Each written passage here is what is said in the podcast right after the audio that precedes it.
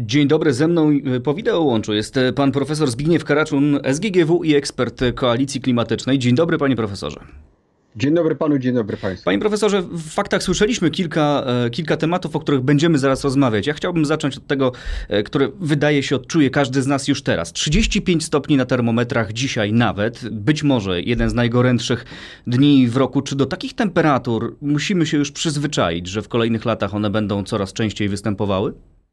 Ja myślę, że musimy się przyzwyczaić zarówno do tych wysokich temperatur, jak i do tego, co było mówione także w tych wiadomościach, czyli do tych ekstremalnych wydarzeń pogodowych, czyli bardzo gwałtownych burz, trąb powietrznych, bo to są wszystko skutki spowodowane przez człowieka zmiany klimatu.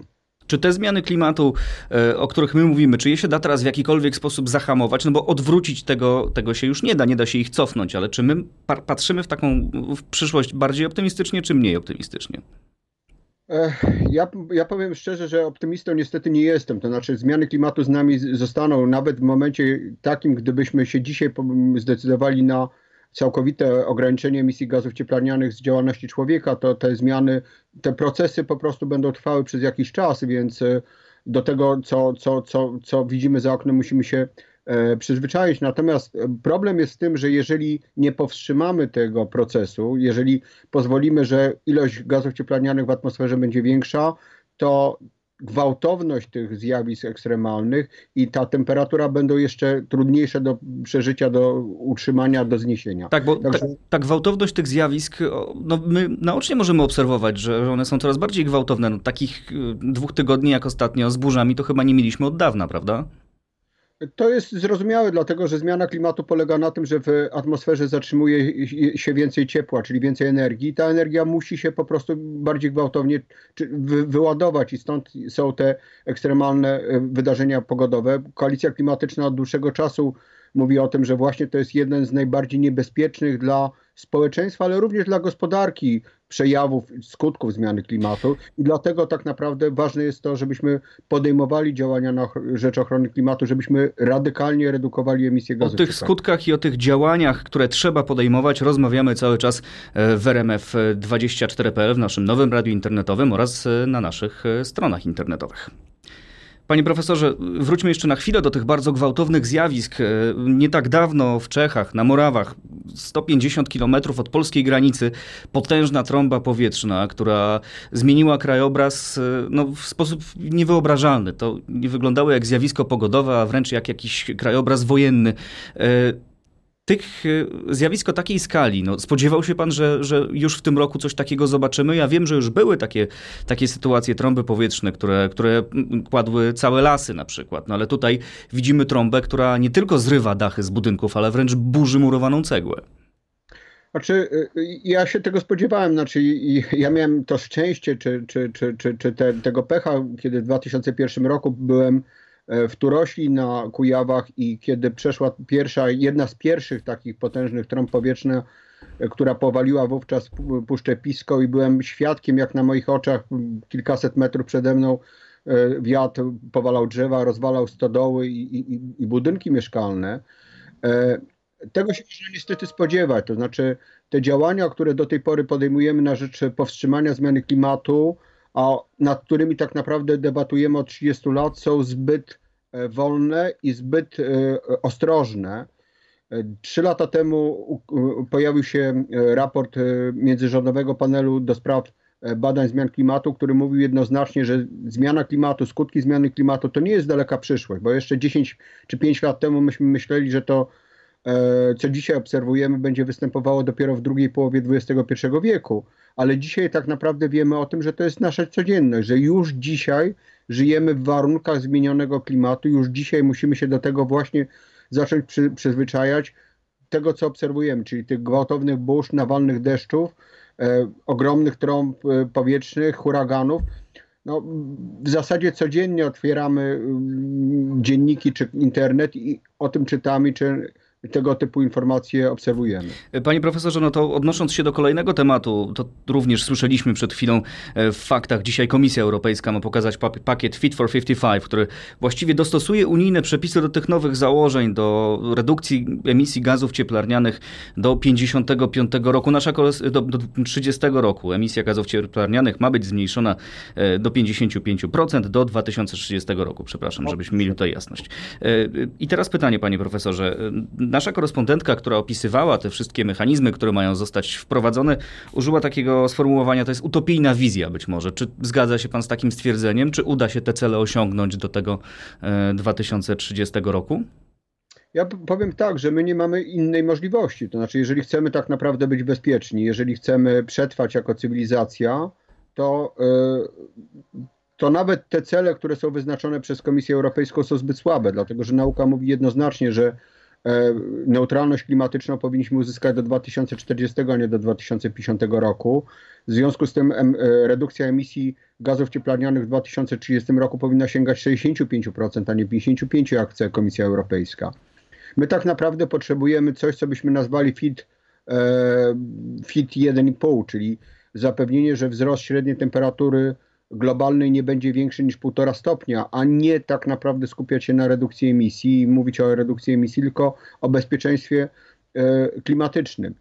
I jeżeli mówimy o tym, że to jest e, wizja utopijna, to ja chcę, chciałbym powołać się na jeden przykład, którego także jesteśmy dzisiaj każdy z nas świadkami.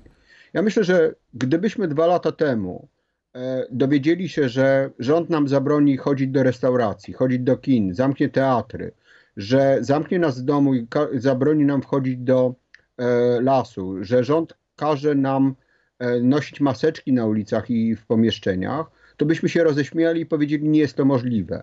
Przyszedł kryzys e, pandemiczny i tak się stało, żeśmy się temu podporządkowali.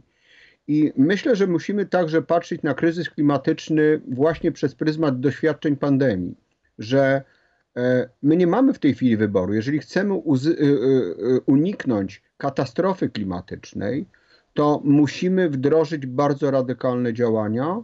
I to, o czym mówiła Państwa korespondentka, to nie jest utopia, nie będzie utopia, tylko to powinna być tak naprawdę wizja. Panie profesorze, panie profesorze, tak, no właśnie, no, te radykalne działania, no ale czy te działania są wystarczająco radykalne, jeżeli chodzi o Unię Europejską? Z tego, co pan mówi, wynika, że nie. Nie, my, my jako koalicja klimatyczna mówimy wyraźnie, że te y, y, jakby wysiłki powinny być, powinny być dalej idące, że potrzebujemy tak naprawdę e, poziomu redukcji nie 40% w sektorach niewłączonych do e, europejskiego systemu handlu e, emisjami, tylko 50%, że poziom redukcji emisji przez sektor właśnie włączony do systemu handlu e, e, uprawnieniami do emisji, czyli między innymi energetykę, powinien wynosić co najmniej 70%. Mówimy o tym, że w 2030 roku odnawialne źródła energii powinny e, produkować co najmniej 50% energii finalnej. Mówimy o tym, że efektywność energetyczna powinna tak naprawdę wzrosnąć o 45%, a nie tak jak się dzisiaj mówi o 32%, bo to są te poziomy, które nam zapewnią bezpieczeństwo. A jeśli to się nie wydarzy, panie profesorze, jeżeli e, te działania zostaną na tym poziomie, na którym są, to postawmy się w perspektywie osób, które nas teraz słuchają, albo są w biurowców pracy, albo są w domu, albo są w samochodzie. Jak zmieni się ich życie za 10 lat, jeżeli nie podejmiemy tych bardziej radykalnych kroków? Ja powiem tak, że e, rzeczą, o której tak naprawdę zwykle nie wiemy, bo to jest kwestia, którą uczymy się na uczelniach e, przyrodniczych i przyrodnicy o tym wiedzą. E, punktem wyjścia naszych rozważań powinno być to, że system przyrodniczy nie zmienia się liniowo. To znaczy, że jeżeli temperatura wzrośnie średnia o 2,5 stopnia czy 3 stopnie, to nie będzie tylko gorzej niż w przypadku, gdyby ona wzrosła o 1,5 czy o 2 stopnie. Tylko może być zupełnie inaczej. System przyrodniczy zmienia się w sposób skokowy, to znaczy pewnym, po przekroczeniu pewnej granicy przechodzi na nowy poziom. I e, istnieje obawa, i to nauk, naukowcy jednoznacznie mówią, że ta granica dwóch stopni jest właśnie tą granicą przejścia systemu przyrodniczego na nowy poziom. I to, czego my nie wiemy, to jest to, czy na tym nowym poziomie równowagi e, system będzie bezpieczny dla nas jako dla gatunku i dla cywilizacji. Już dzisiaj, tak to, jak pan redaktor powiedział, mamy huragany, które niszczą budynki e, murowane, nie tylko drewniane, nie tylko łamią drzewa, nie tylko niszczą uprawy, ale również e, niszczą budynki murowane. To są huragany klasy drugiej, klasy trzeciej. Ale co będzie, jeżeli codziennością staną się huragany piątej klasy? Co będzie, że zamiast 100 mm wody na dobę w deszczach nawalnych będzie spadało 150 czy 200.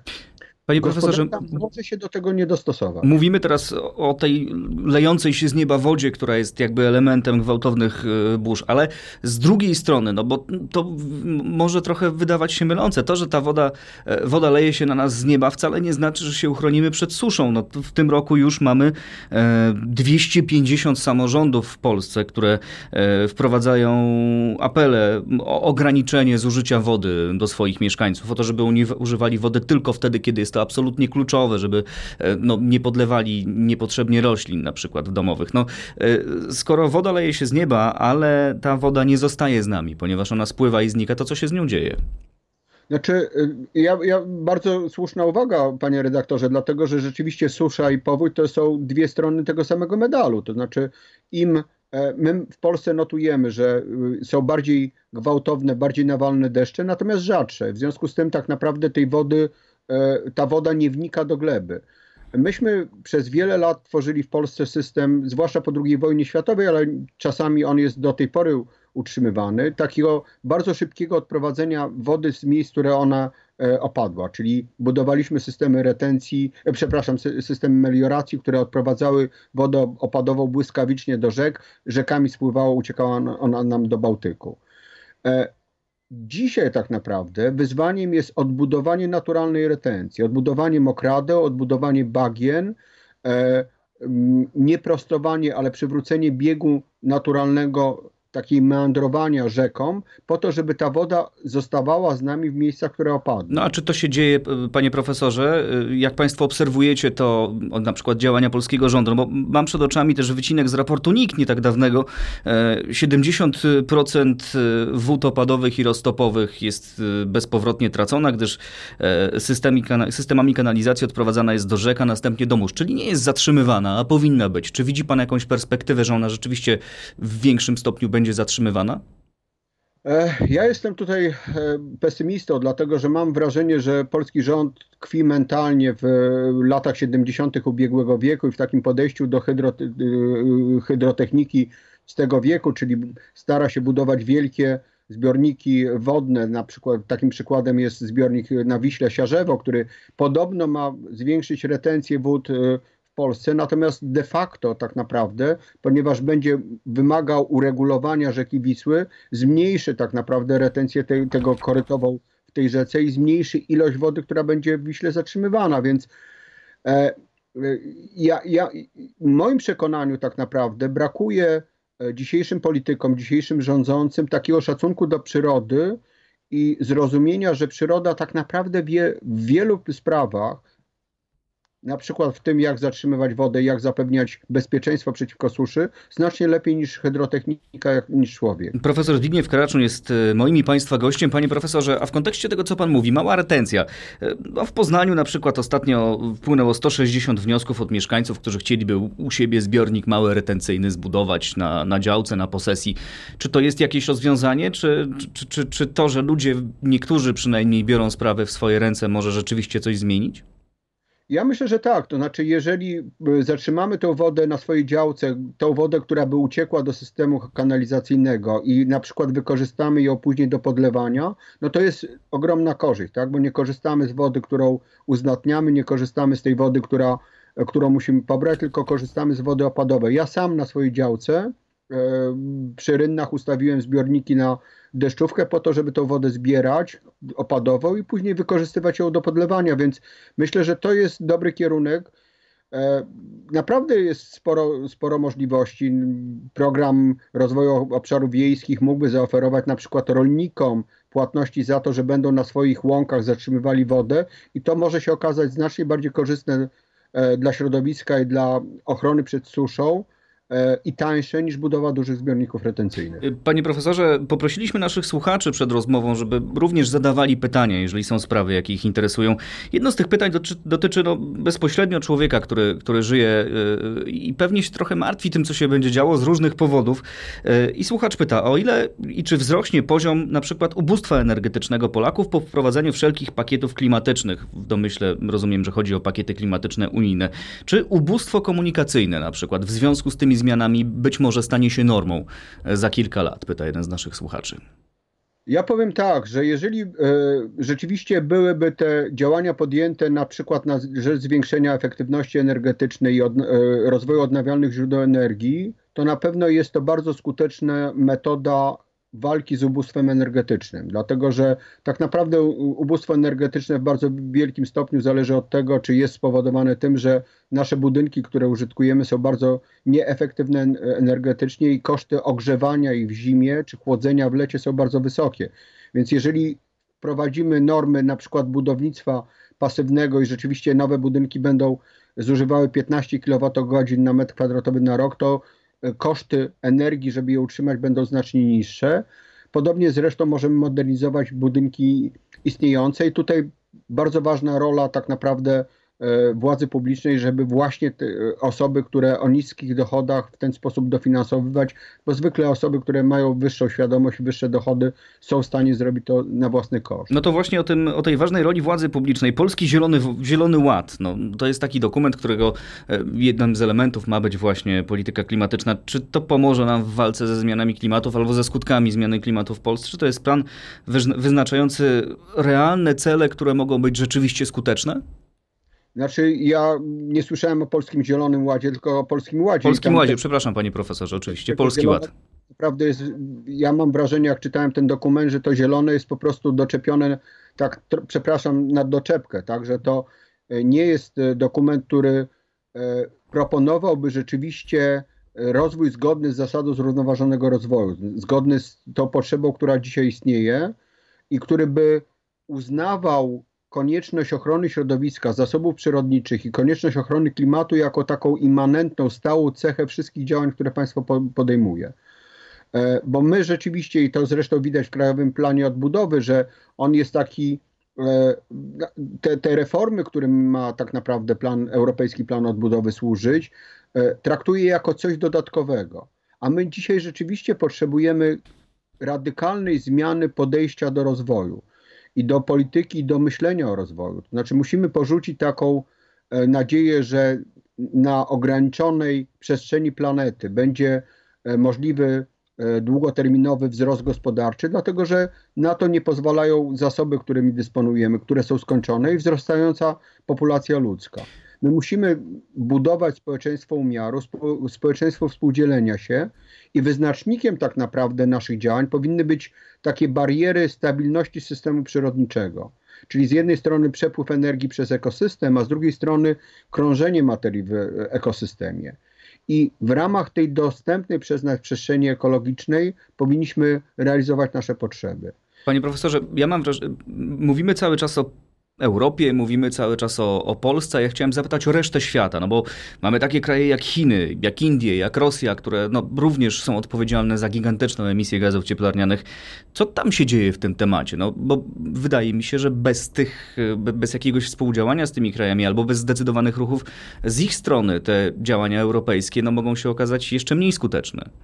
E, to te, te, te kraje także podejmują działania. Proszę pamiętać, że Chiny we wrześniu ubiegłego roku ogłosiły swój plan dojścia do neutralności klimatycznej i będą do tej neutralności klimatycznej dochodziły. One wyznaczyły, Chiny wyznaczyły bardzo e, z punktu widzenia swojej gospodarki i swojego rozwoju, poziomu rozwoju bardzo e, takie ambitne cele klimatyczne.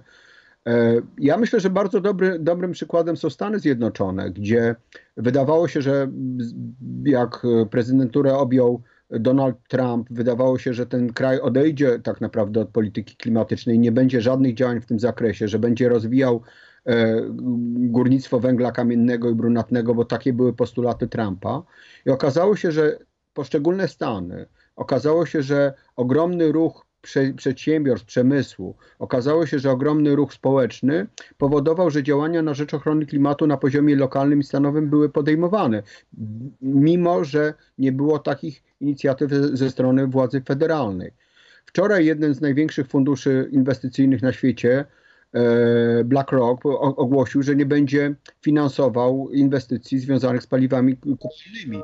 To są zmiany, które się dzisiaj dokonują i myślę, że biznes także dostrzega, że era paliw kopalnych, że era takiego beztroskiego korzystania z zasobów naturalnych skończyła się i że trzeba być znacznie bardziej efektywnym, oszczędnym i skromnym w swoich działaniach niż do tej pory. Czyli da się to zrobić. I tym optymistycznym w miarę akcentem chciałbym zakończyć naszą rozmowę. Dziękuję bardzo. Pan profesor Zbigniew Karaczun z GGW, ekspert Koalicji Klimatycznej, był dzisiaj moim i Państwa gościem. Dzięki panie profesorze. Dziękuję panu, dziękuję państwu.